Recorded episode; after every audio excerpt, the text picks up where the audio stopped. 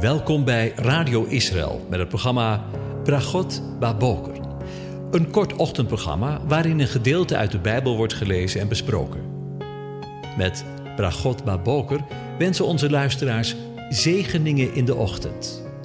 Presentator is Kees van de Vlist. Goedemorgen, Bokatov, beste luisteraars. Vanmorgen gaan we weer verder met na te denken over Psalm 104 en de eerste vier versen lees ik opnieuw aan je voor. Loof de Heere mijn ziel, Heere mijn God, u bent zeer groot. U bent met majesteit en glorie bekleed. Hij hult zich in het licht als in een mantel. Hij spant de hemel uit als een tentkleed.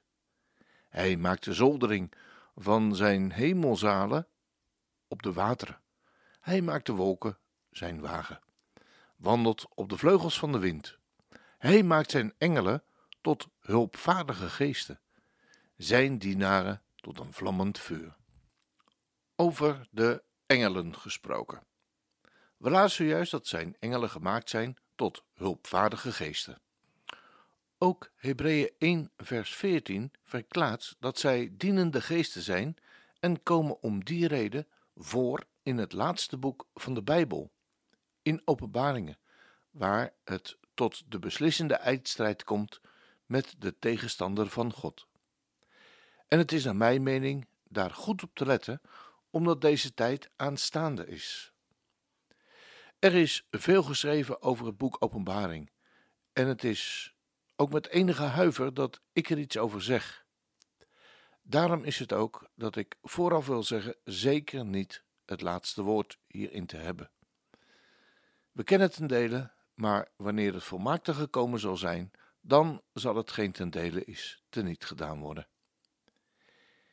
In het vierde vers van dit indrukwekkende Bijbelboek lezen we over de zeven geesten. Johannes aan de zeven gemeenten die in Azië zijn. Genade zij en vrede van hem die was en die komt, en van de zeven geesten die voor zijn troon zijn, en van Jezus Christus, die de getrouwe getuige is, de eerstgeborene uit de doden en de vorst van de koningen der aarde. Hem die ons heeft liefgehad en ons van onze zonde gewassen heeft in zijn bloed. Over de betekenis van deze zeven geesten waarover dit vers spreekt en waarvan we hier lezen, zijn bij wijze van spreken al boeken vol geschreven. Sommigen geloven dat zij God zelf voorstellen, die volkomen geest is. Anderen geloven weer dat zij de Heilige Geest voorstellen en op het eerste gezicht rechtvaardig een nauwkeurige bestudering van het woord deze uitleg, eerder dan dat deze geschapen wezens God zouden voorstellen. Maar wanneer we het eerste en het laatste gedeelte van Openbaring 1 lezen, valt het op dat we in vers 4 lezen over de zeven gemeenten en de zeven geesten. vers 4. Die voor Gods troon zijn. We hebben dat zojuist gelezen. Zeven gemeenten, zeven geesten dus. Even vasthouden in gedachten. En dan lezen we in hetzelfde hoofdstuk, in het laatste vers, dit. Het geheimenis van de zeven sterren, die u in mijn rechterhand hebt gezien, en van de zeven gouden kandelaren is, dan komt het, de zeven sterren zijn de zeven engelen van de zeven gemeenten. En de zeven kandelaren die u hebt gezien zijn de zeven gemeenten. Dit suggereert dus dat deze zeven geesten de zeven engelen zijn. Let op waar ze zijn. De zeven geesten die voor zijn troon zijn. Zij worden in Openbaringen 4 vers 5 weer genoemd. En zeven vurige fakkels branden voor de troon. Dit zijn de zeven geesten van God. En in Openbaringen 8 vers 2 lezen we, en ik zag de zeven engelen die voor God stonden. Uit het gebruik van het bepaalde lidwoord de voor zeven geesten kunnen we begrijpen dat ze al bekend zijn of eerder genoemd worden. En dat klopt natuurlijk, omdat we in het eerste hoofdstuk zojuist al van de engelen en de zeven geesten gelezen hebben. Hebreeën 1, vers 14 laat duidelijk zien dat engelen geesten zijn. Laten we eens luisteren wat daar over de engelen gezegd wordt. Zijn zij niet alle dienende geesten die uitgezonden worden ten dienste van hen die de zaligheid zullen beërven? Ik ga hier even stoppen voor vandaag. Het lijkt me voldoende. We hebben weer een paar zegeningen mogen ontvangen vandaag. Want, zojuist lazen we, Hem die ons heeft liefgehad en ons van onze zonde gewassen heeft in zijn bloed. Hij heeft ons lief en hij heeft ons van onze zonde gewassen in zijn bloed.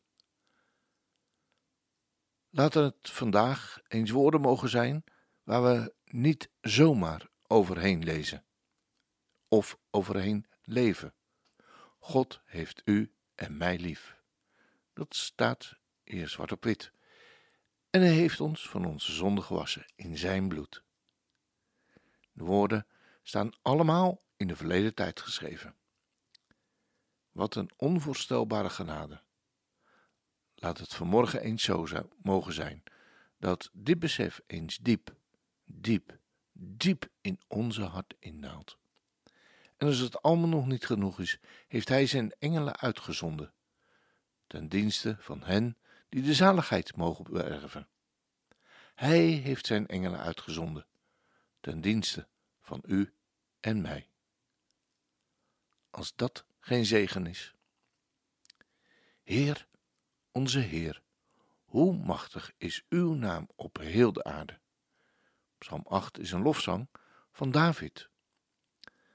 Samen met de liederen die de zon en de maan en de Heer onze hoe heerlijk is uw naam, is dit een heerlijke medley die gezongen werd tijdens de Nederlandse zingavond in de Sint-Joriskerk in Amersfoort.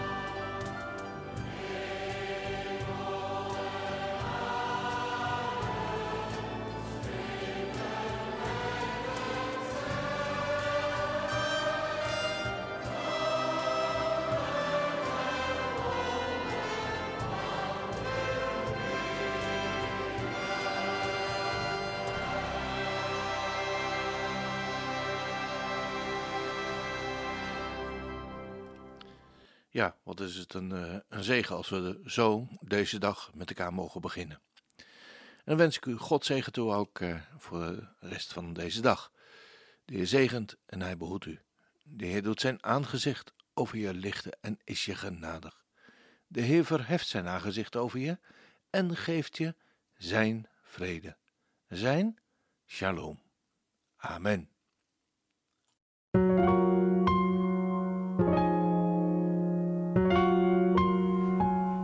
U hebt geluisterd naar het programma Bragot Baboker. Een kort ochtendprogramma waarin een gedeelte uit de Bijbel wordt gelezen en besproken.